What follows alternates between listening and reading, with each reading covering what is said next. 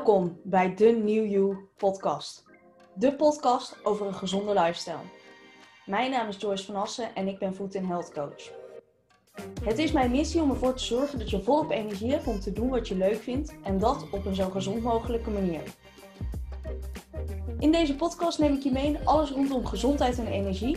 Hierbij gebruik ik soms praktijkvoorbeelden, maar ook dingen uit mijn dagelijkse licht chaotische leven. Want hoe fijn is het als je lekker in je vel zit en energie hebt voor wat je leuk vindt en belangrijk vindt. Hey, hallo. Welkom bij weer een nieuwe aflevering van de New You podcast. Voor vandaag wil ik het graag met je gaan hebben over sportvoeding. Maar allereerst ga ik even heel kort terugblikken op de 76 kilometer die uh, we op 5 mei hebben gelopen. Dat is alweer een maand geleden inmiddels. Maar er werd naar gevraagd, dus daar blik ik graag nog even op terug. Mocht ik wat nasale klinken, dat klopt. Ik heb een virusje te pakken gehad. Uh, en daardoor zit ik nog een beetje dicht. Gelukkig niet heel ziek van geweest. Maar uh, ik klink daardoor nog wel iets anders, ervaar ik. Nou, allereerst korte terugblik op de 76 kilometer. 5 mei om 1 over 12. Dus echt 1 minuut op 5 mei mochten wij starten met een wandeltocht door en om Rotterdam, georganiseerd door Meet the Marines. En het was een van de eerste evenementen weer, dus daarvoor sowieso bedankt mannen. En het was super goed georganiseerd. Het voordeel van wandelen is dat iedereen zijn eigen tempo kan lopen en dat je daardoor super uitwaaiert. Dus coronamaatregelen waren heel goed om uh, je aan te houden. Dat ging hartstikke goed. Goede verzorgingsposten, goed eten. Zelfs voor mij, uh, omdat ik glutenvrij moest eten, was allemaal voortreffelijk verzorgd. Nou, onze voorbereiding was iets minder. Dat heb je misschien in de vorige podcast samen met Niels al kunnen horen. Ik ben normaal iemand die alles tot in de puntjes voorbereidt. En dat had ik nu niet gedaan. Ook niet extreem veel gewandeld. Wat wandelt toch van 20, 25 kilometer. Meer ook eigenlijk niet. Maar dat doe ik normaal ook wel. En toen was die dag daar. En wij gingen lopen. We liepen met z'n drieën. Niels, Sebastiaan en ik. Uh, was weer gezellig, zoals van ouds. Had ik ook niet anders verwacht. Alleen het weer. We hebben vorig jaar natuurlijk die 100 kilometer van Ede naar Rijnsburg gelopen. Um, daar hebben we in de vorige podcast natuurlijk uitgebreid op teruggeblikt. En toen was het lekker weer. Het was zelfs een beetje warm. En nu hebben we echt alle soorten weer gehad. We hebben regen gehad, we hebben kou gehad, heftige windvlagen. Ik heb zelfs begrepen dat we natte sneeuw hebben gehad, al heb ik dat zelf niet zo ervaren. Maar je maakt wel meer dingen niet mee tijdens zo'n uh, wandeltocht. Al met al zijn we uiteindelijk om uh, vijf uur, kwart over vijf gefinished. Voor de zes uur dat we binnen moesten zijn. En het was top. Er zaten een aantal mindfucks in. Het ging ook veel omhoog en naar beneden. Nooit gedacht dat er veel hoogteverschillen in Rotterdam te vinden waren of oplezers. Maar we hebben genoten. Mooi afwisselende omgevingen, de mooie punten van Rotterdam. Ik kwam erachter dat die er toch zijn. Ik ben niet per se een groot fan van Rotterdam, maar deze wandeltocht heeft mij toch laten ervaren dat Rotterdam echt wel zo'n mooie punten heeft. Maar het was echt wel pittig. Ik denk dat ik wel durf te zeggen dat ik het tijdens het wandelen pittiger vond dan tijdens de 100. En dat komt door alle extreme weersomstandigheden. Dan had je weer een regenbui en dan keek ik op mijn app en dan zou het heel kort regenen. Ja, ga ik mijn regenkleding aandoen, ja of nee? Maar dat heeft toch wel effect. Je krijgt het sneller koud, het kost meer energie. Uh, het voordeel was wel dat het natuurlijk verzorgd was, dus je kon toeleven naar punten. Uh, en zo hebben we echt wel mooie momenten gehad. Op het laatst nog een leuke mindfuck. Je ziet de finish al, maar je moet nog een lucht van een kilometer of vijf. En als laatste de berg, de skiberg bij uh, Rotterdam. Die mag je nog eventjes als laatste cadeautje op. Nou, ik had inmiddels uh, wat spieren die wat overbelast waren. Dus mijn voeten vonden andere houdingen dan recht niet heel prettig meer. Maar uiteindelijk is het gelukt. We zijn ruim binnen de tijd binnen. We hebben de route gelopen zoals we moesten lopen. Dus het was grandioos. Ook als ik kijk op mijn herstel daarna. Ik heb een paar dagen wat moeilijk gelopen, maar mijn herstel was goed. Dus ik ben achteraf vooral heel blij dat ik het weer gedaan heb. Dat we uh, hebben kunnen genieten. En dat dit weer het eerste sportevenement was in ongeveer een jaar tijd die georganiseerd werd. Dus al met al heel tof. Op naar de volgende. En een van die volgende evenementen is voor ons natuurlijk Ultimate Warrior. Inmiddels is hun website online en kun je met de code Ultimate Choice, Ultimate en dan mijn naam erachter, kun je een leuke korting krijgen voor een ticket op het evenement eind oktober bij Reuver. Mocht je daar vragen over hebben, contact me gerust. Ik uh, beantwoord met alle liefde al je vragen. En dan sportvoeding. Sportvoeding is interessant voor iedereen die sport. Ook hierbij werk ik met een piramide. Ik hou van piramides, denk ik. Driehoeksvormen. Um, maar het laat heel goed de basis zien, het fundament. En vervolgens tot en met de top, wat allemaal belangrijk is. Maar het laat echt wel alles goed zien. En het laat zien in welke volgorde je dingen kunt aanpakken. En waarom zeg ik nou sportvoeding is voor iedereen die sport? Want eigenlijk op het moment dat je gewoon je dingetje eet, is dat toch helemaal niet relevant? Uh, hebben alleen topsporters sportvoeding nodig? Nee, absoluut niet. Want bij sportvoeding draait het om drie onderdelen in die piramide. Het begint weer met die basis. Die basis is namelijk je basisvoeding. Dus zorgen dat die voeding goed is. Dan kan ik meteen weer terug verwijzen naar de puur gezond piramide. De tweede laag is sportspecifieke voeding. Wat heb jij nodig voor jouw sport? En de bovenste laag is suppletie. En dat is voor niet iedereen misschien even relevant. Daarom staat hij ook in de top. Dat is echt het laatste fine-tunen. Net dat betere resultaat. Gewoon net nog dat kleine beetje extra. Ik ga ze alle drie even benaderen, behandelen. En dan begin ik natuurlijk met die basis. Een gezond voedingspatroon. Een van mijn favoriete quotes is: You can't outtrain a bad diet. Je kunt nog vijf, zes keer in de week gaan staan sporten, maar als je iedere dag bij de Mac je voedingsstoffen binnen moet krijgen, gaat dat niet lukken. Als jij niet de juiste voedingsstoffen binnenkrijgt, zul jij nooit resultaat krijgen wat je wil met je sport. Ieder mens heeft namelijk een bepaalde basis nodig groentes, fruit, volkorenproducten, maar ook eiwitten en vetten. Exacte hoeveelheden verschillen natuurlijk per persoon. En dit hangt af van of je man, vrouw bent, hoe oud ben je, maar ook hoeveel zijn je activiteiten, je dagelijkse activiteiten en je sportactiviteiten, maar ook eventueel sporten, uh, gewicht. Sport uh, is natuurlijk ook weer afhankelijk van die activiteiten. En die goede basis, die bestaat toch echt uit de juiste verhouding van macro- en micronutriënten. En macronutriënten zijn je koolhydraten, wat je brandstof natuurlijk is. Je eiwitten, wat de bouwstof voor je weefsels is. Als jij spieren wil opbouwen, heb je echt voldoende eiwitten nodig. Maar ook vetten zijn bouwstoffen voor al je cellen, maar ook voor hormonen. En het is een belangrijke brandstof voor ons lichaam. Daarnaast heb je natuurlijk vitamines en mineralen die ondersteunend zijn in heel veel processen. En zeker wanneer je actiever bent, heb je bepaalde vitamines en mineralen misschien wat meer nodig.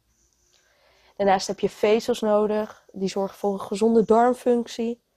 En misschien zelfs als je een lange hardloopafstand gaat doen, juist even tijdelijk iets minder vezels. En water, je vochtbalans is enorm belangrijk. Wist je bijvoorbeeld dat wanneer jouw uh, vochtbalans, als je 2% vocht verliest, dat je prestatie al naar beneden gaat? Dus je kunt misschien een halve marathon best wel afleggen zonder wat te drinken. Ga ik vanuit. Dat kunnen de meeste mensen wel. Maar je prestatie gaat wel achteruit uiteindelijk. Dus wil jij niet kosten wat het kost die halve marathon lopen, maar wil je die halve marathon lopen, minder kans op blessures en gewoon daarna nog weer kunnen functioneren, is tijdens drinken echt wel heel relevant. Nou, die, die basis, dat is dus het allerbelangrijkste. Zorg er dus echt voor dat dat op orde is dan komen we bij het stukje sportspecifieke voeding. De tweede laag in die piramide, in de sportvoedingspyramide. En dit gaat eigenlijk over welke voeding neem je tot je voor, tijdens of na je training of wedstrijd. En wat je daarvoor nodig hebt is afhankelijk wat je gaat doen, welke soort activiteit, welke intensiteit, maar ook hoe lang het duurt. Je kunt je voorstellen dat wanneer je een half uurtje gaat hardlopen, dat je er misschien wat minder rekening mee moet houden dan dat je een halve marathon gaat lopen. Of als je even een uurtje een circuittraining gaat doen. Of je gaat drie uur lang in de gym krachttraining staan doen. Kun je je afvragen hoe functioneel dat überhaupt is. Maar om eventjes een voorbeeld te geven. Waar dat dan uit bestaat? Voor je activiteit wil je zorgen dat je brandstof tot je neemt. Op het moment dat je niet zo intensief gaat bewegen, bijvoorbeeld wandelen, verbrand je over het algemeen net iets meer vetten dan koolhydraten. Uh, en kan het dus functioneel zijn om wat nootjes te nemen. Koolhydraten kunnen nooit kwaad uh, voordat je gaat bewegen. Op het moment dat je een intensievere activiteit gaat doen, bijvoorbeeld een hit of een uh, circuittraining, hardlopen, dan verbruik je meer koolhydraten tijdens een workout. En dan is het dus ook slim om die voor de training te eten. Let er wel op dat het super belangrijk is dat je ruim voor die tijd het eet. Want anders kan het verteren van je voeding tegenwerken dat je je prestatie alsnog minder is. Het vraagt dus echt wel een beetje om time management. Tijdens je inspanning is het over het algemeen voor inspanningen tot een uur, anderhalf niet noodzakelijk om bij te voeden. Inspanningen langer dan anderhalf uur is het zeker wel verstandig om bij te voeden, want je prestaties gaan gewoon naar beneden. Wat je aanvult is in ieder geval je vocht, je zouten, ook wel elektrolyten genoemd, en eventueel wat koolhydraten. Het voordeel van nemen van koolhydraten is dat je herstel uiteindelijk beter is. Dus dat is echt wel de moeite waard om daar je in te verdiepen. Maar wat je neemt is enorm persoonlijk. Ik heb tijdens lange OCR's, obstakelruns, heb ik mensen gezien die zweren bij jelletjes of alleen maar sportdrank. Maar ook mensen die gewoon gedroogd fruit bij zich hebben. Omdat ze daar goed op gaan. Het voordeel van gedroogd fruit is bijvoorbeeld dat het niet zo snel voor een suikerpiek zorgt. daarmee ook minder voor een suikerdip. Dus al met al, ga gewoon experimenteren. Wat werkt voor jou, wat werkt niet voor jou.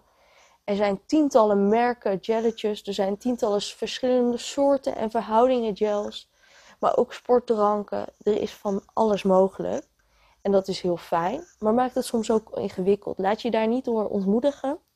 Maar ga dat echt uitzoeken. Ervaar gewoon eens. Begin daar dus niet mee tijdens een wedstrijd. Maar begin tijdens je trainingen als je het tijdens je wedstrijd wil gebruiken.